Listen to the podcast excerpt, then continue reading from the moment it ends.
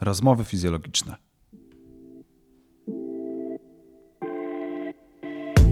Zapraszam Cię do mojego autorskiego podcastu Rozmowy fizjologiczne. Wraz z moimi gośćmi poruszam w nim przede wszystkim tematykę fizjoterapii, ortopedii i inne ciekawe aspekty związane z szeroko pojętą medycyną. Ekspercka wiedza, przystępny sposób. Zapraszam, Piotr Piaskowski.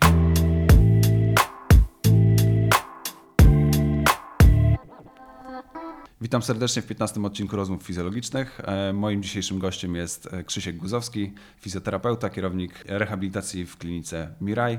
Człowiek od zawsze związany ze sportem, z tenisem, z zawodowymi sportowcami, z rekreacyjnymi sportowcami. E, cześć Krzysiek. Dzień dobry, witam serdecznie. Chciałbym, żebyśmy dzisiaj porozmawiali przede wszystkim o różnicach w rehabilitacji, w fizjoterapii, w sporcie zawodowym i rekreacyjnym oraz o tym, jak wygląda fizjoterapia, czy różnice w fizjoterapii pomiędzy sportowcami a osobami, które nie uprawiają sportu. Ale na sam początek e, chciałbym, żebyś troszeczkę opowiedział o sobie, o tym, jak zaczęła się e, Twoja przygoda, czy Twoja droga do fizjoterapii w jednym z najbardziej topowych sportów zawodowych, czyli w tenisie.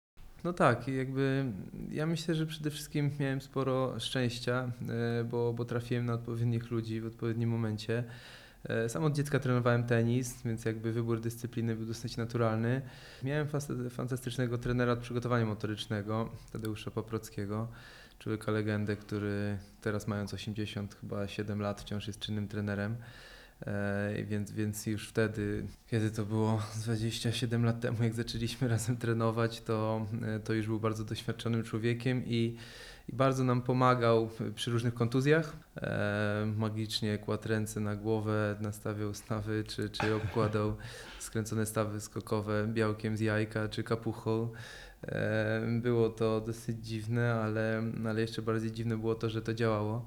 I tak sobie pomyślałem, jak już się zorientowałem, że że w kontekście zawodowego sportowca to szału u mnie nie będzie, że, mhm. że, że super byłoby tym zawodowym sportowcom, zawodowym tenisistom pomagać od drugiej strony. A w jakim wieku e, stwierdziłeś? Ja miałem mniej więcej 15 lat wtedy, więc to rzeczywiście dosyć, dosyć szybko. Dosyć szybko. E, no i to jest chyba takie to największe jakby szczęście, które mnie spotkało, bo, bo wiedziałem jakby później już tylko kwestia decyzji, co zrobić, żeby po prostu być w tym, co chcę robić najlepszy, jak tylko, jak tylko potrafię.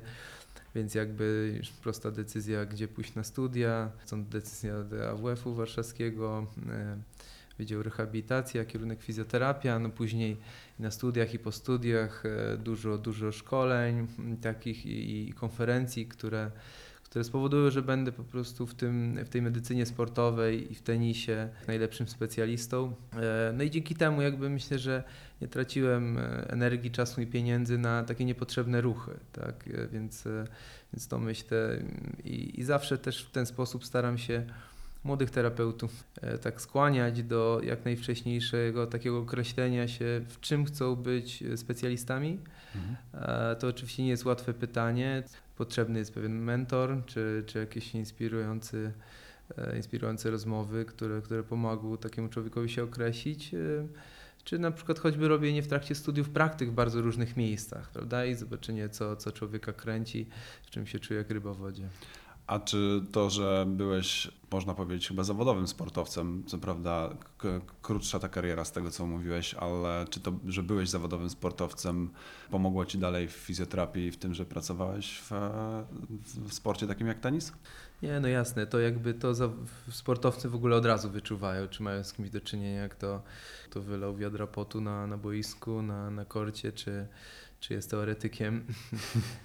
Więc jakby jedna rzecz to jest po prostu takie pewien charakter, myślę, który się kształtuje przy, przy uprawianiu sportu od dziecka. E, druga rzecz to, to czucie jakby i swojego ciała i tego, co pacjent może czuć. I trzecia rzecz to oczywiście aspekt jakby nie mniej ważny od tych dwóch poprzednich, takiej samej techniki, prawda, ruchu, która no jak wiemy, jak tego nie poprawimy, to problem będzie wracał w nieskończoność, prawda? Tak Jeśli jest, ktoś... przy problemie przewlekłym na pewno. Dokładnie, no problem przewlekłe czy nawracające, prawda? W takim sporcie jak tenis, kiedy pracuje cały łańcuch kinetyczny od od, od nogi przez, przez tułów do ręki, to, to większość na przykład kontuzji właśnie tych dystalnych elementów łańcucha jak ręka, nadgarstek czy bark, to są bardzo często problemy po prostu z techniką ruchu. I nawet nie są to jakby tylko moje jakieś tam doświadczenia czy obserwacje, tylko dużo jest badań teraz takich bardzo fajnych kinematycznych, które to pokazują na liczbach, że ci, których bolą barki, łokcie, nadgarstki, po prostu gdzieś mają stratę jakby przepływu tej energii przez ciało, gdzieś ten transfer energii nie jest idealny przy, przy generowaniu mocy w uderzeniach, przy rzutach, bo to tak naprawdę uderzenia w tenisie to biomechanicznie są rzuty. Tak jest, niewiele się to różni biomechanicznie. Co prawda chciałem to pytanie zadać później, ale zadam je teraz. Czy myślisz, że osoba, która nie miała związku z danym sportem, wchodząc e, w sport zawodowy, e, fizjoterapeuta oczywiście, e, może w tym być naprawdę dobry, nie znając tak bardzo szczegółowo techniki sportu? No, zostańmy przy tenisie na przykład. Jeśli osoba, która nigdy nie grała w tenisa, obserwowała go tylko jest w stanie fajny, dobry, skuteczny sposób e, pracować z tenisistami? Myślę, że jest to możliwe pod warunkiem, że, że człowiek jest bardzo jakby dociekliwy, szybko się uczy i, i wyciąga dobre wnioski.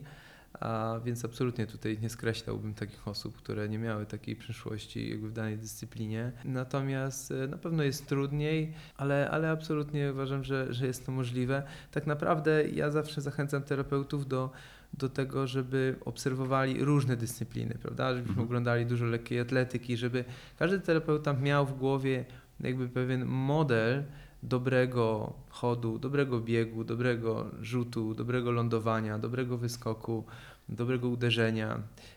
I, I tak naprawdę wtedy okazuje się, że, że ten wspólny mianownik jest naprawdę duży i dla mhm. różnych dyscyplin.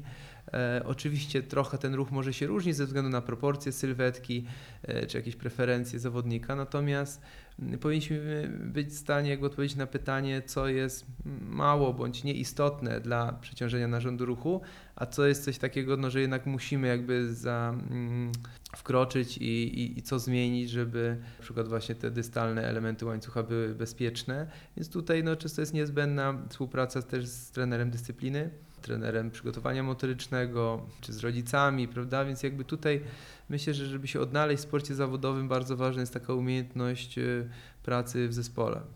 No, ja mam takie przeświadczenie, że przynajmniej w pracy ze sportowcami zawodowymi, e, jeśli zjawia się do nas sportowiec zawodowy i nie mamy zielonego pojęcia o jego sporcie, e, a chcemy być najlepsi i próbujemy jednak pomóc temu pacjentowi, no to jednak warto byłoby go poobserwować przynajmniej w, w, w, pracy na, czy to na korcie, czy nie wiem, zapaśnik na macie, czy ktokolwiek inny. Nawet jeśli nie mamy związku z tym e, sportem, no to warto byłoby chyba jednak troszeczkę się zagłębić, a, a myślę, że wielu fizjoterapeutów, którzy chcą zajmować się sportem zawodowym albo to robią, no, no zapominają o tym trochę. Czy masz takie samo przeświadczenie? Nie, no absolutnie, no to wydaje się jakby, nie wyobrażam sobie, że mogło być inaczej, tak, no jakby więc to, no jeśli jest duże zaangażowanie, chęć, to jest to możliwe, ale na pewno jakby tej pracy poza e, jakby spotykaniem się z, z pacjentem e, w gabinecie musi być dużo, tak, żeby poznać całe to jego środowisko, kontekst e, mhm. jakby tej kontuzji, tego problemu,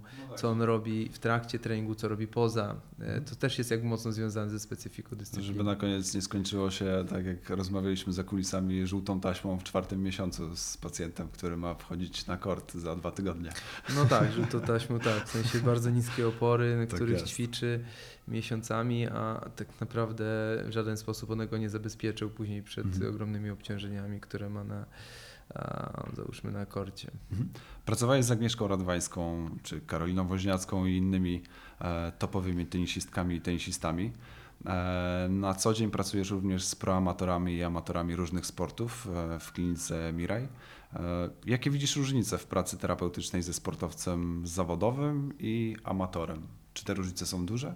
Są duże i to nawet bym powiedział, że chyba największym wyzwaniem jest praca z takim bardzo mocno zapalonym amatorem, który często jakby obciążenia ma. Też tak twierdzę.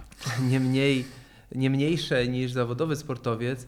Natomiast problem polega na tym, że zupełnie inaczej regeneracja wygląda, prawda? No, zawodowiec Ma jeszcze jak... parę innych rzeczy do zrobienia w ciągu dnia. Dokładnie, no. Zawodowiec, e, zawodowiec jak nie trenuje, no to mądrze je, mądrze śpi, mądrze wypoczywa. E, w taki czy inny sposób, natomiast amator jakby ma zwykle jakąś tam aktywność zawodową jeszcze, prawda, którą mhm. musi gdzieś gdzieś wcisnąć. A psychologicznie podejście do amatorów i, i zawodowców? Z kim ci się łatwiej pracuje? Znaczy rzeczywiście z zawodowcami jakby bardzo jakoś tak łatwo yy, nawiązuje, wydaje mi się, dosyć taki dobry kontakt i zrozumienie. Mm, nie wiem sam z czego to wynika, szczerze mówiąc. Myślę, że jakby to, co dla, dla podopiecznego naszego jest ważne, to to, żeby naprawdę go jakby dobrze wysłuchać nie, wychodzić, nie wychodząc z żadną tezą do niego, posłuchać naprawdę, y, jaki jest jego problem, jakie są cele, oczekiwania. Ja jakby staram się to oczywiście jakby robić i, i, i z zawodowym sportowcem i przysłowiowym Kowalskim. Wydaje się to jakby powinno być absolutnym standardem i czymś normalnym. Nie wiem, że nie zawsze tak jest ze względu na Mhm. e, nie wiem, czy brak czasu, czy, czy jakiś taki system pracy taki czy inny. Natomiast e, myślę, że takie wejście E, rzeczywiście próba wejścia w buty takiego człowieka, który do nas przychodzi z problemem jest, e, jest czymś, co i, i, od razu jakby buduje pewne zaufanie między terapeutą i pacjentem, ale też bardzo procentuje później.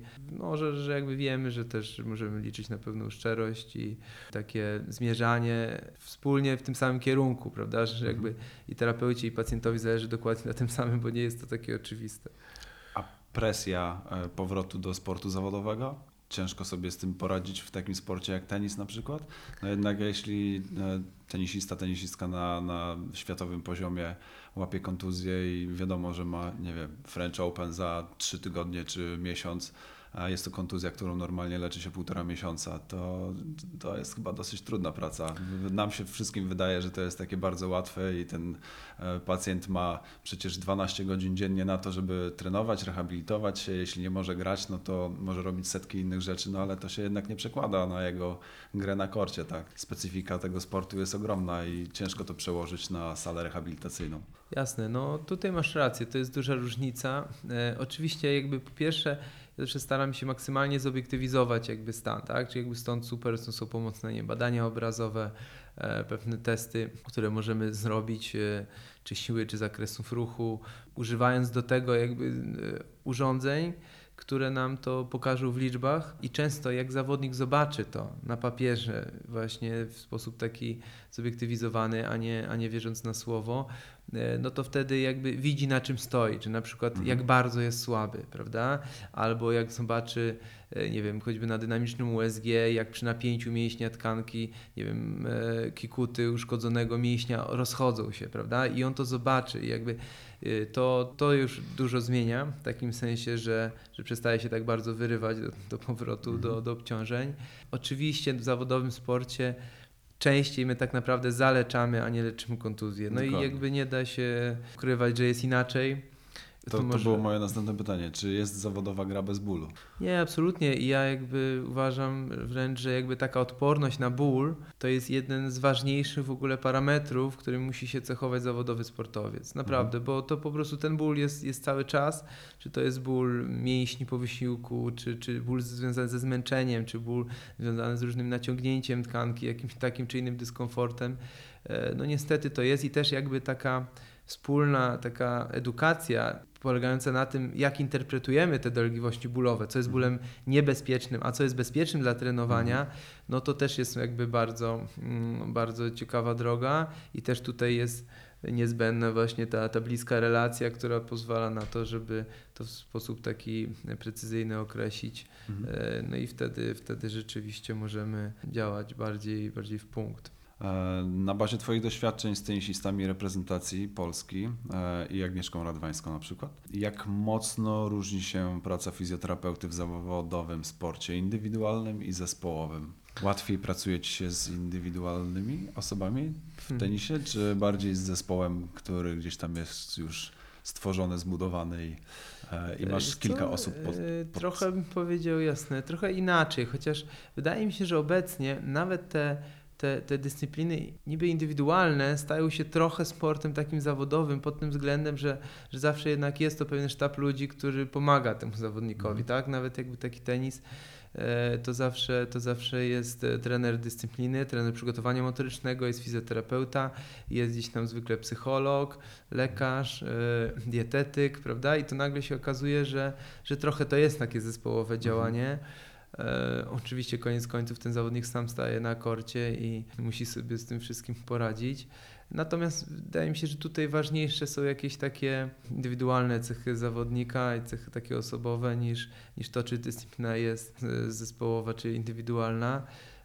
Yy, oczywiście w tych zespołowo, w zespołowych dyscyplinach można powiedzieć, czy, czy załóżmy w drużynówkach, no ta Mhm. odpowiedzialność jest trochę większa, no bo jednak e, nie tylko odpowiadasz przed jednym zawodnikiem, tylko przed całym zespołem. I nie możesz zaniedbywać reszty. No tak, więc tutaj na pewno też trzeba być e, jakoś takim dobrym psychologiem, żeby tutaj Lawirować. e, to. lawirować, tak, i, i, i robić tak, żeby wszyscy się dobrze czuli. Um, No ale też z drugiej strony, jak coś zrobi się źle, no to nie tylko ta, ta osoba, której się nie pomogło, czy zaszkodziło wręcz, będzie miała pretensje, ale, ale i całe, cała drużyna. Mhm. Natomiast tutaj jakby myślę, że bardzo ważna jest rola na kapitana drużyny, jak, jaka, jaka jest ta atmosfera w drużynie i, i ona jak już jest dobra, to jest dobra na każdym poziomie, tak? Czy Mhm. jesteśmy w gabinecie, czy jesteśmy na kolacji, czy jesteśmy w hotelu, to, to, to zwykle idzie do przodu. Oczywiście taka odpowiedzialność, którą czuje terapeuta, no bo jednak mamy w rękach jakby dużą moc sprawczą, którą możemy bardzo pomóc, albo no, też trzeba sobie powiedzieć, że możemy zaszkodzić, jeśli zrobimy coś nieprawidłowo.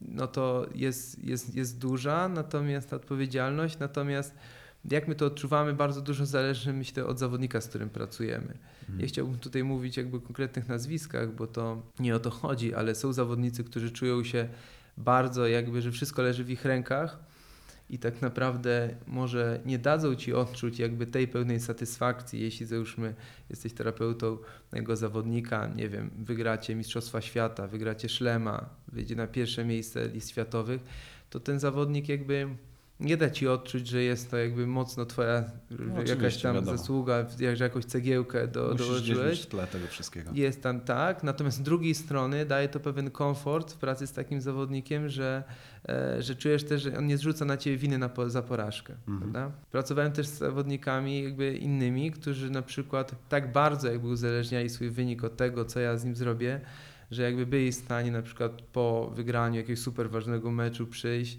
po prostu mi po męsku przytulić i, i powiedzieć dziękuję Krzychu, nie? Mhm. I jakby i to rzeczywiście były du- duże chwile, ale z drugiej strony wiem, że gdyby taki zawodnik ten mecz przegrał, to mógłby powiedzieć, kurczę, źle To mi pierwszy. szy, szyję, co ty zrobiłeś idioto, tak? Na tej zasadzie.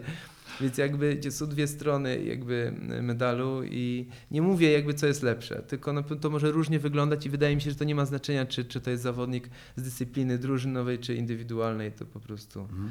różnie może być. Okej. Chciałbym przynajmniej pobieżnie poruszyć tematykę takiego psychologicznego wpływu fizjoterapeuty i fizjoterapii na sportowca zawodowego. Jak myślisz, jak ważną częścią zespołu jest taki fizjoterapeuta? E, Nie tylko od strony pracy fizycznej, ale także kontaktu z zawodnikiem, spędzania z nim takiej dłuższej ilości czasu. No myślę, że tutaj jakby trzeba się dobrze dobrać. Nie? E, Zawodnicy, każdy człowiek są bardzo różni, introwertycy, ekstrawertycy, bardziej tacy, tacy zamknięci w sobie czy, czy otwarci e, i, i to po prostu myślę, że, że to wszystko musi, no, musi grać jak dobra harmonia, żeby, żeby, żeby dobrze to brzmiało, no to każdy instrument musi dobrze grać i, i zawodnik musi czuć się jakby bardzo komfortowo, bezpiecznie i, i musi być dobra chemia z tym zawodnikiem, bo to jednak tak dużo czasu się spędza na, na wyjazdach, e, no to właściwie nikt nie spędza z zawodnikiem tak dużo czasu jak fizjoterapeuta, tak? No bo Mhm. budzimy się, idziemy na śniadanie, zwykle razem, gdzieś tam e, zawodnikiem czy dru- z drużyną. Oczywiście są teamy bardziej takie trzymające się, inne mniej, no ale później trzeba zrobić jakieś takie przygotowanie ciała do wysiłku, czy już taki rozruch poranny i manualny i jakieś ćwiczenia takie profilaktyczne które wykonujemy razem, później idziemy na jakiś trening danej dyscypliny, załóżmy na kort, no to też fizjoterapeuta jest, bo może będzie trzeba coś pomóc, coś Mhm. zatejpować, może coś e, pomóc z suplementacją i tak dalej. Po treningu robimy, pomagamy recovery, to odnowę w taki czy inny sposób. później jest drugi trening, do którego znowu się wspólnie przygotowujemy, znowu od nowa, czy jakiś wieczorny treatment, czyli takie, takie e, praca nad problemami, czy ostrymi, czy chronicznymi, co się, co się w ciągu dnia pojawiło, więc jest rzeczywiście tego bardzo dużo i no i wiadomo, że dużo się rozmawia, więc trochę terapeuta zawsze jest takim pierwszym, taką osobą, którą zwykle zawodnik dużo mówi. Dużo się zwierza. E, dużo się zwierza, tak. No i jakby myślę, że, że, że, że często tak jest, że na przykład e, nie ma tego dobrego zrozumienia. Jest bardzo dobry terapeuta, ale zawodnik czuje, że nie, nie mają, że, że nie mają flow. Nie, nie ma, nie ma tego przepływu, nie ma, Mhm. nie ma tej chemii i po prostu to się nie uda, tak? Bo, bo, bo jak się zawodnik czuje niekomfortowo, no to no jakby na jego głowa nawet nie pozwoli na to, żeby No, on oczywiście. się zrelaksował i regenerował to ciało, prawda? No bo to na napięcie tkanek niemniej ma, ma wpływ głowa, co, co, co Mhm. sam narząd ruchu, prawda? Więc jakby to to od każdej strony musi się zgadzać, tak, żeby ten układ hormonalny, nerwowy szybko się regenerował, no to zawodnik się musi czuć komfortowo. To pytanie retoryczne. Z kim ci się lepiej pracuje? Z kobietami czy z mężczyznami? Kurczę, nie ma dobrej odpowiedzi. Dlatego zadałem to pytanie. Inaczej, no, inaczej rzeczywiście. Ja jestem generalnie mm, z natury może, taki może, trochę... może nie lepiej, może łatwiej ci się pracuje. No właśnie, jakby wydaje mi się, że, że trochę, trochę łatwiej e, z mężczyznami z tego względu, że jestem z natury takim jakby umysłem ścisłym, e, bardzo taki, czyli no właśnie opierającym się na, na faktach niż na przeczuciach czy emocjach które wydaje się, że częściej są domeną jakby kobiet, jeśli chodzi o te emocje, niż mężczyzn, chociaż wiadomo, że bywa różnie, tak, No ale, tak. Ale rzeczywiście przy pracy z kobietami na pewno pewne rzeczy częściej należy tak no, mieć pod, na wzgląd też również jakby ten aspekt związany z, z, z tą stroną emocjonalną, Mhm. ale wiadomo, no nie chciałbym tutaj jakoś y, stereotypowo do tego podchodzić, ale, Jasne. ale, ale na pewno różnice są. To idziemy troszeczkę w inną stronę. Co według Ciebie oznacza systemowe podejście do profilaktyki w tenisie? Takie szkolenie e, prowadziliście, prowadzicie z Kamilem Goleniem. Ja również częściowo w nim uczestniczyłem, jak jeszcze się odbywały. I ja to wiem, ale większość słuchaczy myślę, że niewiele ma o tym pojęcie i chciałbym, żebyś troszeczkę o tym poopowiadał, bo jest to bardzo ciekawe według mnie. Jasne. Tak, dziękuję Ci za to pytanie, bo to takie trochę moje dziecko, moje i, i Kamila, chociaż to dziwnie brzmi. Ale rzeczywiście, no ja w tej- Pozdrawiamy Kamila, pozdrawiamy. Tak, tak. Nie, no Kamil super facet, niesamowity e, trener, bardzo taki e, doświadczony, ale też dobrze mówiący o tym, co wie. Bardzo w sposób taki przystępny, a- ale jednak bardzo mądry. E, No to jest rzeczywiście, mm, jakby my teraz trochę zawiesiliśmy jakby e, realizowanie kolejnych edycji, ale robiliśmy to przez chyba z 6 lat, zrobiliśmy 8 edycji. Przeszkoliliśmy myślę około 300 trenerów, terapeutów w Polsce z tego zakresu. Jak, jak na wąską specjalizację fizjoterapeutyczną, czyli tenis, to naprawdę mega. Tak, znaczy ja wiem, że tutaj jakby wielu ludzi widziało w tym ogromny jakby taką, taką wartość, również przenosząc na inne dyscypliny. Tak, jakby tak, to to systemowe prawda. podejście chodziło nam o to, żeby pokazać taką wieloaspektowość e, profilaktyki w sporcie, tak? Bo tutaj profilaktyką nie jest tylko zrobienie dobrej rozgrzewki, e, dobrej odnowy i dobrych ćwiczeń profilaktycznych na kolano, e, bark czy, e, czy plecy, natomiast również wchodzi tutaj w grę medycyna sportowa, tak? E, Medycyna, przepraszam, no i sportowa oczywiście też, ale medycyna e, podróży, chciałem Mhm. powiedzieć, tak? Czyli e, jak wygląda sytuacja, jak powinniśmy zawodnika zabezpieczyć w podróżu, tak? Czy chociażby zwrócenie uwagi na pewne rzeczy typu szczepionki, typu jak ma się w samolocie, tak? Jakby zachowywać, że ma wziąć, nie wiem, skarpety uciskowe, aspirynę, poduszkę pod szyję, poduszkę pod głowę. Miejsce bierzemy zawsze przy miejscu, przejściu dla, dla przy emergency, przy Przy exicie. Mhm. co pić, y, czego nie pić, co jeść, czego nie pić i tak dalej, i tak dalej. To są rzeczy, które jakby wydają się bardzo takie prozaiczne, może mało istotne, ale wiele razy widziałem, że ci zawodnicy bardzo obiecujący jechali gdzieś tam e, udało się nie wiem, uzbierać jakieś środki, jechali na, na, na, na, na turniej, ważny turniej, załóżmy takiego egzotycznego kraju, a przez to, że nie mieli pewnej wiedzy, to kończyli turniej w toalecie, a nie na korcie, Okej. prawda? Bo nie wiem, byli pod prysznicem e, w Azji i niechcący e, wzięli wodę do buzi, bo mają taki zwyczaj, tak? Jasne. gdzie jakby to są też, to są też aspekty profilaktyki, gdzie jakby taka edukacja trenerów i zawodników e, w tym zakresie, e, jak wykorzystać ten trening motoryczny, który wspaniale potrafi nas zabezpieczyć, jak mądrze robić siłę czy moc, jak wygląda cały taki model rozwoju zawodnika od dziecka po, po seniora, jak wygląda ta współpraca między fizjoterapeutą, trenerem przygotowania motorycznego, a trenerem dyscypliny. E, I to są takie rzeczy, które absolutnie można przenieść na, e, na różne dyscypliny sportu, nie tylko tenis, więc jakby no ja tam rzeczywiście myślę, że tysiące godzin poświęciłem na to, żeby jakby skonstruować taki, taki program, jaki zrobiliśmy. E, Na mnie osobiście największe wrażenie zrobiło poukładanie regeneracji tego, tego sportowca zawodowego. To, co przedstawiliście, jeśli chodzi o regenerację. I to Mhm. było chyba taką największą wartością e, okej. dodaną, którą ja wyciągnąłem. Co prawda byłem na jednym module, bo potem terminowo już się nie pozgrywało z moimi szkoleniami i gdzieś tam musiałem ominąć, ale, ale to jedno, ten jeden moduł, który zrobiłem, to ta regeneracja była dla mnie naj, najistotniejsza i chyba najfajniejsza z, z tego, co przedstawiliście. Super.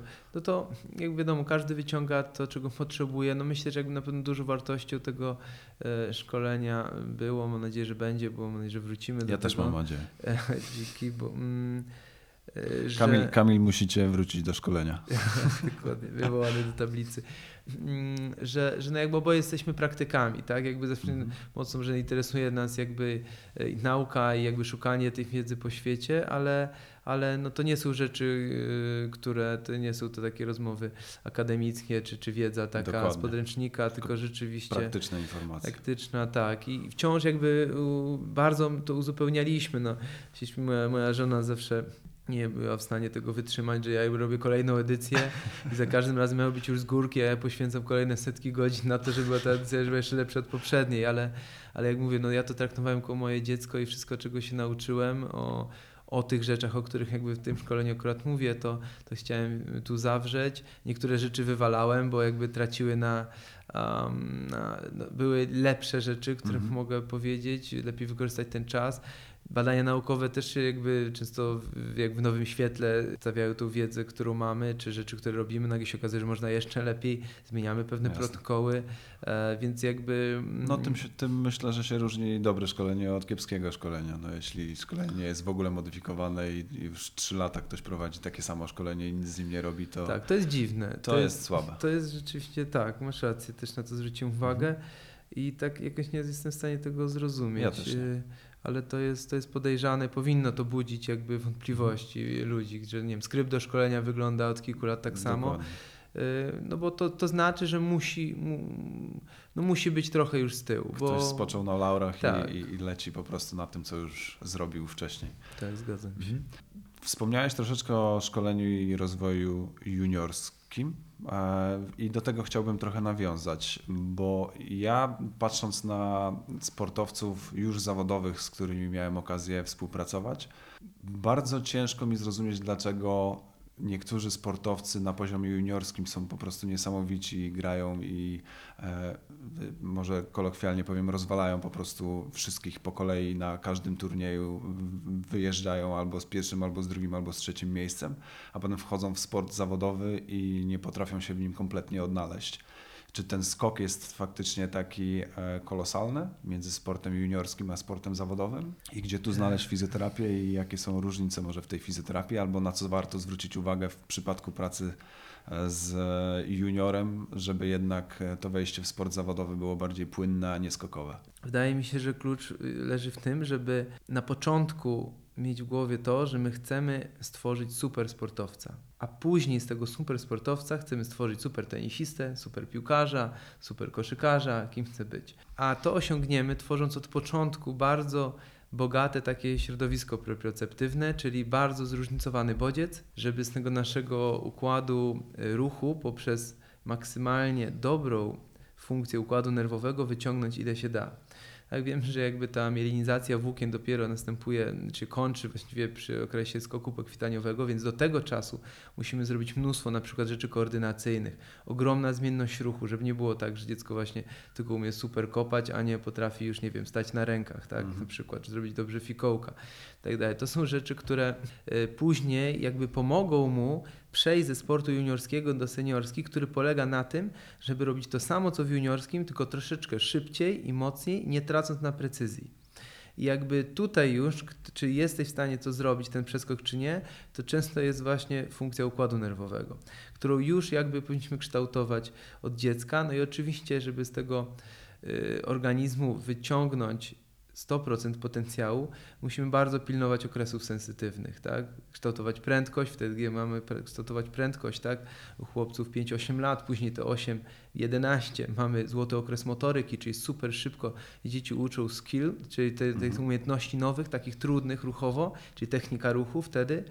Prawda? Później jakby mamy kolejny skok, skok, skok y, gdzieś tam wzrostowy, więc znowu robimy szybkość, bo znowu mamy troszeczkę mięśnie sztywniejsze, bo, bo kości rosną szybciej niż mięśnie i ta sztywność daje nam jakby dobrą warunki do pracy nad prędkością.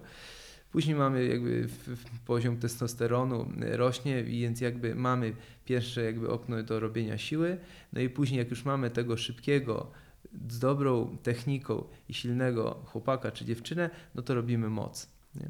Więc jakby plus minus, wiadomo, to jest duże uproszczenie, ale, mm, ale, ale jakby to trzeba mieć w głowie, że w różnym okresie robimy różne rzeczy i trzeba to świadomie robić. Wydaje mi się, że sporo osób, y, które zajmują się młodymi ludźmi, jakoś tak tylko patrzą na ten mikrocykl, prawda? Co w tym tygodniu, co dzisiaj robię, No nie właśnie. patrzą szerzej, tłumacząc się, no nie, no są te turnieje, są Okej, ale to trzeba jakby wytłumaczyć, że my to traktujemy, wszystkie te turnieje wieku, e, prawda, młodym, czy to są skrzaci, młodzicy, kadeci, jakby wszystko to jest treningiem tak naprawdę, Mhm. tak? I jakby jak to się mm, dobrze wytłumaczy, czy temu rodzicowi, sponsorowi, czy trenerowi, to ludzie jakby w to idą, bo Mhm. nikt nie chce przecież zrobić krzywdy dziecku, nikt nie chce e, nie wykorzystać tego pe- pełnego potencjału. No robią to zwykle z braku po prostu świadomości i wiedzy i, i, i od tego jakby są specjaliści, żeby, żeby to racjonalizować, pokazywać, jakby nie wyważać otwartych drzwi. Słuchajcie, no robi się tak i tak. Mm, Oczywiście są pewne odstępstwa, są jakieś fenomeny, natomiast yy, yy, no, No jest- Jest to cholerna odpowiedzialność jednak. e, Jest, tak, masz rację i- młodymi i to dobrze, że to poruszyłeś, bo, bo dziecko nie jest miniaturką dorosłej osoby, prawda? Jak pod każdym względem i pod względem narządu ruchu, ale również pod względem nie wiem, termoregulacji. Tak, poci się dwa razy mniej niż dorosła osoba. Do okresu pokwitaniowego w ogóle nie mamy gruczołów potowych, które 7 Mhm. razy więcej wydziela nam potu niż inne, więc jakby dużo słabiej traci ciepło, więc łatwiej go przegrzać. Dlatego musimy pilnować częściej tego cienia, pilnować y, odpoczynku, regulacji metabolizmu tego wysiłkowego, bardziej nawadniania, pilnować i tak dalej. Kości są bardzo słabe u dzieci. To jest najsłabsze ogniwo, prawda? Ryzyko złamań zmęczeniowych, prawda? Ogromna No jałowe martwice, odpowiedzialność. które się też jałowe pojawiają. martwice, dokładnie, więc jakby tutaj odpowiedzialność dla trenera, który, mm, odpowiedzialność trenera, który zarządza tym procesem, który może zrobić bardzo dużo dobrego, ale też bardzo dużo złego, jest ogromna. Mhm. I jakby y, no to jakby ja czuję jakąś taką, misję, żeby y, po takie poczucie misji, żeby y, no, edukować ludzi, bo, no, bo to, to jest jedyna droga. No, nikt jakby specjalnie tego nie robi, ludzie robią to z braku mm, wiedzy, tą krzywdę. No niestety, no w Polsce mamy taką rzeczywistość, jaką mamy, nie mamy niestety pewnych standardów, które na przykład związek powinien wyznaczać, prawda? No właśnie, chciałem zapytać, czy w Polsce to, to funkcjonuje?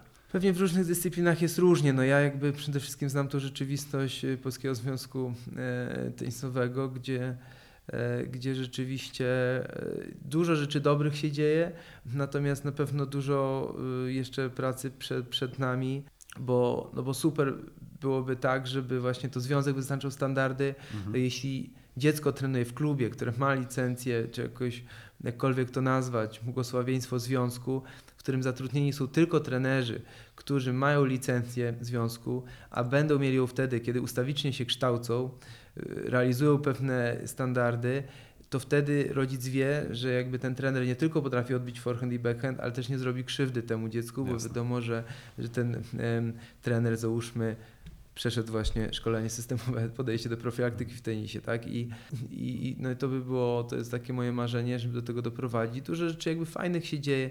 Ja na przykład od, od, lat ze związkiem współpracuję w ten sposób, że zawodnicy, którzy otrzymują wsparcie od związku, również finansowe, jakby muszą raz na pół roku pokazać się u mnie na takim przeglądzie nadwozia, podwozia, gdzie patrzymy sobie jak, jak wyglądają zakresy ruchu, jak balans mięśniowy, jak ogólnie sylwetka, jak ich nawyki, proporcje właśnie pracy do odpoczynku i tak dalej. I wtedy widzę, czy ten zawodnik ładnie się rozwija, jest coraz lepiej z tymi parametrami, które prosiłem pół roku wcześniej, żeby pracował, czy jest trochę gorzej. I teraz jakby ja przekazując tą informację do związku, e, jest to istotna baza danych, czy ten zawodnika warto inwestować, czy jest to raczej gdzieś tam mhm. nadciągająca katastrofa, prawda? Jasne. Jest to też jakiś taki bacik dla zawodnika, że wie, że e, ja się z tego wyspowiadam gdzieś tam dalej. Musi dalej to poprawić i na Tak, tak, ale to jest, to jest fajne, bo to, bo to no wcześniej czy później to wyjdzie, prawda? Jakby bycie zawodowym sportowcem y, jest po prostu tak ogromnym obciążeniem, że trzeba naprawdę super higienicznie, y, higienicznie żyć. Y, jest to ogromne wyzwanie, ogromne wyrzeczenie, ale im szybciej się tego nauczymy zawodnika, tym jakby dłuższa i bardziej bezpieczna kariera. I po mhm. prostu tak jest, no bo osiągnąć można na wielkiej fantazji i talencie dużo, ale utrzymać się na tym poziomie przez lata, to na przykład co Agnieszka zrobiła przez wiele lat w pierwszej dziesiątce, w pierwszej piątce, no to już jest po prostu nieprawdopodobna konsekwencja, dzień świstaka, codziennie, czy mi się chce, czy nie. Nie wiem, ile ja z Agnieszką zrobiłem, pewnie kilka tysięcy treatmentów przez te 7 lat wspólnej pracy ani razu mnie odwołała spotkania, z, mhm. jeśli tylko była możliwość, zawsze to robiliśmy i nigdy się nie spóźniła. To są rzeczy, które procentują, tak, później. No dlatego są top of the top jest pierwsza setka zawodników, która no wiemy, że tam się nie obijają, tak? Tam mają codziennie trening, trening, trening i żyją tym sportem, tak? To tak, jest, to jest, to jest naprawdę imponująca wytrwałość i, i jakby wydaje mi się, że im wcześniej jakby zwrócimy na to uwagę, czy ten zawodnik jest w stanie się poddać temu reżimowi, tym lepiej. Bo nie ma, jeśli człowiek nie jest w stanie tego wytrzymać, nie interesuje go to, jest to zbyt nudne, to, to, to, to może lepiej sobie wcześniej dać, dać spokój mhm. i rzeczywiście bardziej się zająć nauką niż tym sportem i się łudzić, że coś z tego Albo streamem. będzie. Albo, Albo streamem. Albo tak. E, wiemy o co chodzi. Mm, Intryguje mnie jeszcze jedna rzecz, jeśli chodzi o tenis i szkolenie zawodników. E, czy są, i obiecałem, że zadam to pytanie e, sobie i nie tylko sobie, czy są na świecie trenerzy, którzy tak hurtowo wypuszczają gwiazdy tenisa? Czy jest to jednak sport na tyle indywidualny, że e, takie dane schematy działania już na takim zaawansowanym szczeblu kariery raczej nie mają racji bytu? Czy nie jest tak, że niektórzy trenerzy po prostu mają trochę szczęścia i trafia im się zawodnik, z którym cokolwiek by nie robili, będzie odnosił sukcesy? Wiesz co, są tacy trenerzy rzeczywiście, którzy widać, że no to świadczy o tym, że, że są fantastycznymi trenerami, że jakby z różnymi zawodnikami są w stanie odnosić bardzo dobre rezultaty. Oczywiście nie każdy ma taki potencjał, żeby dojść nie wiem, do, do pierwszej piątki, ale jakby widać to po tym, że na przykład bardzo poprawiają ich wyniki, tak, zaczęli pracować, by nie wiem, numer 200, po roku dwóch pracy są numer 100, no i mhm. to, to rzeczywiście robi wrażenie. Ja jakby jestem pod wrażeniem takich dobrych trenerów, to są ludzie niesamowicie dobrze po pierwsze zorganizowani, potrafiący zarządzić całym tym procesem, który się odbywa wokół e, zawodnika, potrafiący z tymi wszystkimi ludźmi, którzy pomagają wyciągnąć ten pewien potencjał zawodnika współpracować i jakoś to tak nadawać temu, temu kierunek, widząc też jakby z jakim typem zawodnika mają do czynienia i potrafiąc jednak do tego dostosować y, y, środki, tak, kogo bardziej przycisnąć, komu dać więcej przestrzeni. Czy nie jest tak, że tacy trenerzy, którzy osiągnęli sukces na przykład z pierwszym zawodnikiem, potem już na tyle sobie selekcjonują tych najlepszych zawodników, że jest im łatwiej? Oczywiście, że tak, że to, to później jest taki magnes, tak, że do tych najlepszych trenerów też chcą przychodzić ci najbardziej utalentowani, najbardziej rokujący, e, więc, więc to się, to, to, to w pewnym momencie jak się rzeczywiście jakby no łatwiej, można powiedzieć, e, osiągnąć, osiągnąć jakieś, jakieś wysokie rezultaty. Mhm. No ale trzeba sobie na to na pewno ciężko zapracować, żeby, żeby taką renomę mieć. I też jest tak, że oczywiście każdy trener ma pewien swój styl. Są tak bardziej tacy restrykcyjni, są, są trenerzy bardziej, wiemy, trener psycholog, także więcej E, opowiada i gdzieś tam... miękkie i twarde. Tak, dokładnie, o jakichś takich e, rzeczach związanych z, ze strefą mentalną niż załóżmy techniczną. E, więc to jakby trzeba tutaj, no tak jak się dobrać z terapeutą, tak samo z trenerem, prawda, żeby jakby było, zawodnik czuł, że tego właśnie potrzebuje i, i ten styl mu, mu odpowiada. Okej. Okay. Przez lata jeździłeś po całym świecie zajmując się tenisistami i tenisistkami, porównując pracę w tym sporcie i, nie wiem, przymus, przywilej ciągłych podróży, może ty mi powiesz, e, do aktualnej, bardziej stacjonarnej pracy w klinice Miraj. E, co według ciebie jest lepsze i dlaczego? Hmm. Myślę, że, że no jakby na wszystko jest czas i miejsce, tak? Jakby w, w takim hmm, swoim rozwoju zawodowym no dla mnie jakby wydaje się, że był to idealny timing, kiedy, kiedy zająłem się tak, tak rzeczywiście sportem przez duże S, e, kiedy kilka lat po studiach rzeczywiście zająłem się reprezentacją seniorów e, i rzeczywiście już taka duża odpowiedzialność została powierzona na moje ręce. Wydaje mi się, że no jakby bardzo ważne tutaj dla każdego trenera czy terapeuty jest, jest wciąż utrzymanie takiej ogromnej dawki pokory, żeby cały czas się rozwijać, bo to niestety czasami się dzieje, że ludzie wpadają w samozachwyt i tak uważają, że jak się zajmują kadrą, to, to już muszą być... To już do końca życia będą to robili. Wy, tak, i że wszędzie muszą być wykładowcami, na żadne szkolenie nie pójdą, bo to oni wszystko najlepiej wiedzą i i to jest paradoksalnie czasem największe nieszczęście takiego terapeuty, który za, za szybko dostanie takie duże odpowiedzialność.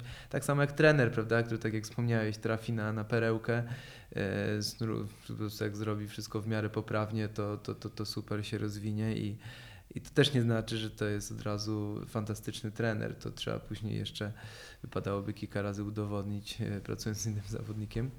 Natomiast e, e, więc jakby dla mnie no później jakby to podróżowanie po świecie z zawodnikami było fantastyczną taką platformą do zdobywania doświadczeń, ale wciąż jakby bardzo, bardzo dużo się uczyłem cały czas i no zresztą oczywiście jak byłem w Polsce, to też pracowałem z pacjentami w klinice, no żeby cały czas mieć jakby bardzo mhm. taki z różnorodnym e, też pacjentem e, kontakt. To, to dla mnie, powiem szczerze, osobiście jak tak śledziłem, co robisz, to było niesamowite, że jeździłeś praktycznie, no nie wiem ile byłeś, 250 dni w roku czasami pewnie za granicą, tak. a i tak przyjeżdżając do Polski jeszcze pracowałeś wtedy jeszcze w CRS-ie i przyjmowałeś pacjentów i to... Tak, ale to, ale to, było, to było fajne. Ja myślę, że w ogóle tak jest, że jak robimy różne rzeczy, to, to mamy do tego dobrą energię i jest to ciekawe. No rzeczywiście dla mnie tak naprawdę te okresy, kiedy byłem w Warszawie były najbardziej intensywne, bo, no bo tu miałem pacjentów, zwykle e, właśnie tak jak powiedziałeś w Centrum Rehabilitacji Sportowej od rana do gdzieś tam załóżmy godziny 15, później szybko obiad, jechałem później do Agnieszki, do, do, do domu zrobić taki, e, taką terapię pod koniec dnia treningowego, więc jak wychodziłem z domu o 7, wracałem o 20. Gdzieś tam jeszcze musiałem wcisnąć pracę nad doktoratem dzięki to o to też zapytam. Mojej niepełnosprawności umysłowej trwało to 11 lat, ale jakieś wrodzonego, wrodzonemu uporowi udało się to zakończyć. Nie wiem właśnie jak w jaki no, sposób. Od, ale... To od razu zapytam. Szczere pytanie, szczera odpowiedź. Po co zrobiłeś doktorat? A wiesz co, śmiesznie, bo to jakoś taka pierwotna e, motywacja umarła dosyć szybko, bo ja sobie, tak jak wspomniałem, w wieku 15 lat wymarzyłem, że będę takim e, dobrym fizjoterapeutą od tenisistów. Napisałem mail do ośmiu takich terapeutów na świecie, którzy zajmowali się zawodowym tenisistami, czyli takich fizjo ATP, czyli mhm. tych, co zatrudnia ten zawodowy cyrk tenisowy i oni jeżdżą po świecie po różnych turniejach, było ich ośmiu do wszystkich jakoś tam zdobyłem maila, co nie jest może takie oczywiste, jak teraz na to patrzymy, ale jednak... To nie były e, czasy Twittera, Facebooka, Instagrama. Temu, inaczej, więc e, i listy pisałem e-maile. No i tam kilku z nich nawet mi odpowiedziało i do tej pory nie wiem dlaczego chyba dwóch z nich napisało, że oprócz doświadczenia w challengerach i jakichś tam e, różnych szkoleń, że dobrze, że miał doktorat. I dlatego mówię, że to jest dziwne, bo jak teraz na to patrzę, nikt z nich nie ma tego doktoratu.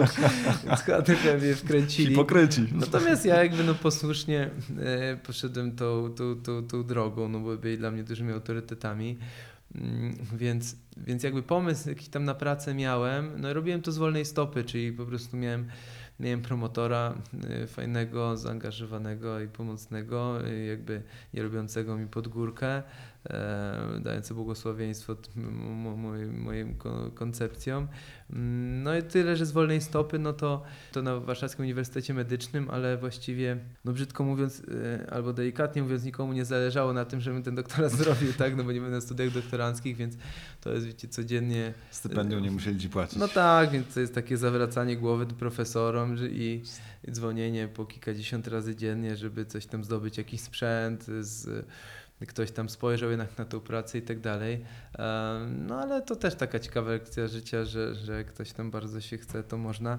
No i jakby mówię, że ta motywacja umarła, bo, bo ja w sumie już po, jak zacząłem pracować z Agnieszką, gdzieś tam będąc, nie wiem, czy w połowie nawet doktoratu, no doszedłem do wniosku, że w sumie nawet gdybym teraz dostał propozycję pracy od ATP, to raczej bym tego nie wziął, bo, Mhm. bo w sumie mm, ta praca jako terapeuta e, na turnieju jest bardzo podobna w sumie do tej pracy, którą miałem w CRS-ie, czyli praca z, róż, jakby z różnymi przypadkami, oczywiście dużo, dużo ruchu, dużo ciekawych przypadków, ale tak naprawdę mocno praca jakby w, od rana do wieczora w jakimś pomieszczeniu, w jakiejś tam salce, gdzie, gdzie stoją leżanki, a mało w tym wszystkim sportu.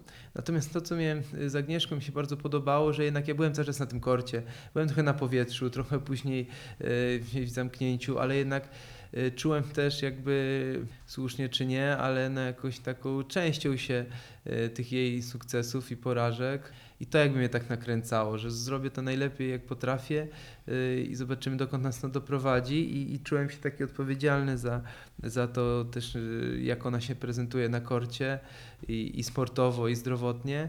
Mm, No i tego rzeczywiście nie ma, jak jesteś e, terapeutą ATP, tak mi się wydaje, czy może nie w takim stopniu. Oczywiście też można pomóc, zaszkodzić, no ale mniejsza jest ta ciągłość.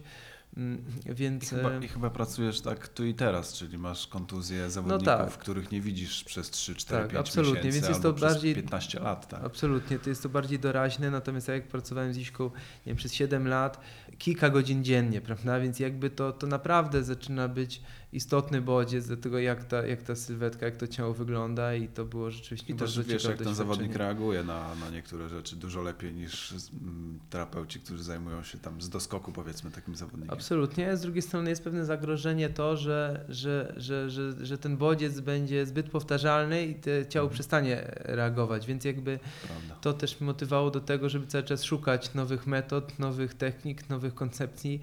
Ja często jakby prosiłem moich znajomych, czy, czy terapeutów, czy z Polski, czy z zagranicy, żeby spojrzeli na Agnieszkę, tak? Mhm. Żeby ją przebadali, bo pod latarnią najczęściej jest Świeże najciemniej, spojrzenie. prawda? Mhm. Żeby, że ja już niby znałem tutaj każdy milimetr tej, tej, tej sylwetki, ale, ale mogłem też coś przeoczyć przez to właśnie takie, mm, może jakieś takie schematyczne patrzenie, bo e, no bo, no bo to po prostu No jesteśmy ludźmi, tak? dokładnie I, i, i to jakby zawsze było dla mnie też jakby ciekawe jak to inni widzą, mogłem się z, czymś zgodzić, z czymś nie, ale jednak zawsze coś, coś, coś, coś z tego mogliśmy wyciągnąć, żeby żeby trochę w inny sposób jeszcze y, to ciało przystymulować. Myślę, że tak jeszcze wracając do tego pytania, jakby tego jeżdżenia y, po, po świecie, po turniejach i, i później pracy na miejscu, no tutaj z drugiej strony jeżdżąc dużo, no trudno coś zbudować na miejscu, prawda? Ja, jakby no u mnie się dobrze to ułożyło szczęśliwie, jakby ten timing, że Agnieszka skończyła karierę, ja skończyłem doktorat,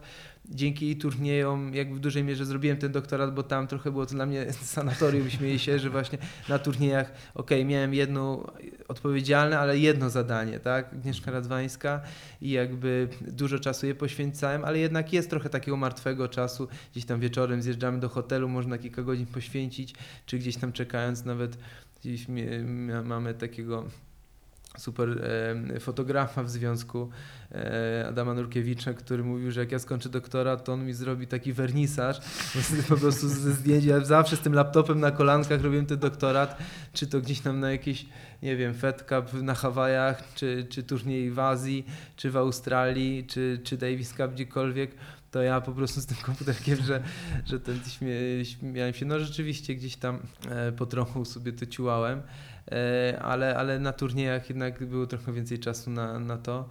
A teraz jakby no, będąc na miejscu, e, pracując w Mirai Clinic, no mogę mogłem się to swoje doświadczenie wykorzystać. To też, że widziałem jakby jak wyglądają różne kliniki na świecie, najbardziej nowoczesne, czy to jest, nie wiem, E, Aspetar e, w Doha, mhm. czy, czy superkliniki w Australii, w Stanach Zjednoczonych. Oczywiście w różnych miejscach trochę różnie to wygląda. Nie mówię, że wszystko, co się tam sprawdziło, sprawdzi się na naszym podwórku, ale jakby możliwość już zaproponowania jakby pewnych rozwiązań daje Absolutnie jakąś tam mm, ciekawą opcję. I, no i, i, myślę, że teraz jakby na to, na to jest czas, żeby tutaj to zbudować i absolutnie jakby mam z tego frajdę, jakby nie jest, e, też mi nie brakuje szczerze mówiąc jakichś takich dużych wyjazdów. Oczywiście to jakiś czas fajnie zmienić środowisko, ale, ale czuję się jak mocno odpowiedzialny za ten projekt tutaj na miejscu. E, cieszę się jakby, że mogę się dzielić tym doświadczeniem, mam z kim. E, mam bardzo fajny zespół, który się tworzy, nabiera dynamiki tempa i, i fajnie to obserwować, jak tym, ci ludzie odnoszą sukcesy. E, jak czasami czuję, że, że, że, trochę za, za moją pomocą, no to, no to to mi daje bardzo dużo satysfakcji i myślę, że to też, mm, też to jest taki naturalny kolejny krok, takie dzielenie się wiedzą, doświadczeniem i e, no i tu jest jakby bardzo dobra platforma do tego. Okej, w takim razie jeszcze jedno pytanie o Twoje plany na przyszłość zawodową i dalszy rozwój, a także e, spojrzenie z perspektywy czasu na wybór pracy w dużej klinice e, zamiast budowania własnego, całkowicie oddzielnego miejsca czy kliniki. Nie żałujesz, że nie stworzyłeś czegoś takiego całkiem swojego, swojego? Ja mam na to swoje też punkt widzenia, może Ci powiem na koniec, ale Bardzo najpierw chętnie. chciałbym e, usłyszeć to od Ciebie. E, myślę, że jakby no tutaj się bardzo dużo uczę w tym miejscu, gdzie teraz jestem, rekrutując ludzi, wyznaczając pewne standardy y, postępowania, patrząc jak potrafię to egzekwować. Jak daje mi to dużo, dużo satysfakcji i dużą, mając też swobodę działania, pełną autonomię i zaufanie właścicieli. Więc jakby wszystko jest tak, jak powinno być. Więc jakby dopóki czerpię z tego satysfakcję i jest to spójne z jakimiś tam moimi celami życiowymi, zawodowymi, które sobie tam wyznaczam e, za, za, za poradą mojego przyjaciela, super e, coacha. E, mam taką mapę celów i to jakby każdemu polecam zrobić sobie i, i wtedy widzę, czy to, co robię obecnie, zbliża mnie, czy oddala mnie od tych celów. Oczywiście koniec końców najważniejsi są, są ludzie, bo tyle czasu spędzamy w tej pracy, że to tworzy tą atmosferę i też poczucie e, satysfakcji i przyjemności z tej pracy, którą wykonujemy, więc dopóki mam fajnych ludzi tutaj i, i mogę e, przynajmniej częściowo decydować o tym, z kim pracuję, z kim nie, to, to jest dobrze, więc e, na razie jestem bardzo zadowolony, a co będzie za w przyszłości, to, to zobaczymy. Ja mam bardzo podobne podejście do tego. Myślę, że już dostałem dziesiątki pytań E, dlaczego nie założysz czegoś swojego? E, Jasne. Ja zawsze odpowiadam, bo nie muszę, bo po prostu robię to, co lubię i w sumie spełniam się w tym jak najbardziej zawodowo i e, póki to robię, to nie potrzebuję swojego, swojego miejsca, w którym będę musiał poświęcać 24 godziny na dobę, a przy okazji mam jeszcze czas na inne rzeczy, które mogę robić, na przykład nagrywać podcasty z ciekawymi ludźmi. Hmm. Więc e, no, myślę, że to ma wszystko swoje plusy i minusy nawet na tym takim powiedzmy wysokim poziomie fizjoterapii i, Absolutnie, i no. zaawansowanym zawodowo, o tak może. Myślę, że jakby na pewno, żeby móc skutecznie dzielić się tym doświadczeniem, które, które mamy coraz, coraz większe, trzeba jakby w pewnym momencie być trochę takim menadżerem, prawda? I, e, i, i jakiś jakby system e, dzielenia się tymi informacjami skuteczny stworzyć.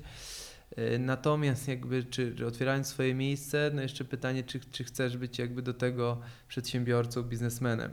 Prawda? I jakby Ja sam nie wiem jakby, w której z tych, z tych działek, jakie mam kompetencje. Mhm. Jeszcze. Trochę, trochę tak właśnie badam, y, czy ja jestem w tym dobry, y, czy, czy nie. Zobaczymy. Dużo decyzji jakby przez ostatnie miesiące podejmowałem. Musiałem je podejmować szybko, trochę intuicyjnie. Y, No i teraz przyjdzie czas jakby weryfikacji, czy, czy to były dobre decyzje, czy nie. Na razie, na razie idzie to w dobrym kierunku, natomiast na pewno będziemy mieli coraz większy zespół, y, więc ten styl pewnie zarządzania tym zespołem będzie trzeba z czasem moderować, więc mam nadzieję, że, że będę w stanie e, reagować mm, adekwatnie do potrzeb. Myślę, że na pewno. Ostatnie pytanie.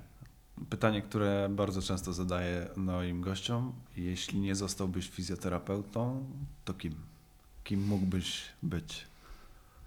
Wiemy już, że tenisistą zawodowym nie chciałeś. A tak, tak. Z tym zawodowym sportem jakoś tak nie było jakiegoś chyba też od strony domu yy, takiego, Wsparcia. takiego ciśnienia, tak, Mhm. więc ja nawet chyba nie miałem jakichś takich śmiałości, marzeń o jakichś takich wielkich Ja celach. dosyć szybko też z koszykówki zrezygnowałem, tak idąc e, tym tak, samym bo to tropem. ktoś musi zainspirować. Ja jakby rzeczywiście nie miałem chyba jakiegoś Okej, takiego... Czyli jeśli nie fizjoterapeuta, Więc to co? kto? Hmm. Co, nigdy się tym nie, na ten temat nie zastanawiałem. Na pewno jakiś takie, taki zawód związany z pracą z ludźmi, bo bardzo to lubię i bardzo to jakby cenię w swoim, swoim zawodzie, że, że tak dużo ciekawych ludzi się spotyka i, i nawiązuje się takie relacje, które, które coś znaczą. Bo to jednak z pacjentami często spędzamy sporo czasu, prawda? I pomagamy im w, rzecz, w rzeczach jakby przestrzeni bardzo dla nich ważnej, tak? Ich zdrowie, które, które jest bezcenne i to nie wiem, może, może mógłbym być lekarzem, ale to jest trochę coś innego, jednak wtedy trochę innego typu ta relacja, ale wydaje mi się, że, e, że ta, ta medycyna czy fizjoterapia, czyli takie zajmowanie się organizmem człowieka, który jest tak niesamowicie skomplikowany, e, złożony i, i dzięki temu możemy się tego uczyć całe życie, jakby bardzo mi pasuje. Więc ja jakoś, szczerze mówiąc, nigdy nie rozważałem planu B. Może dlatego. y, tak że plan A wypalił.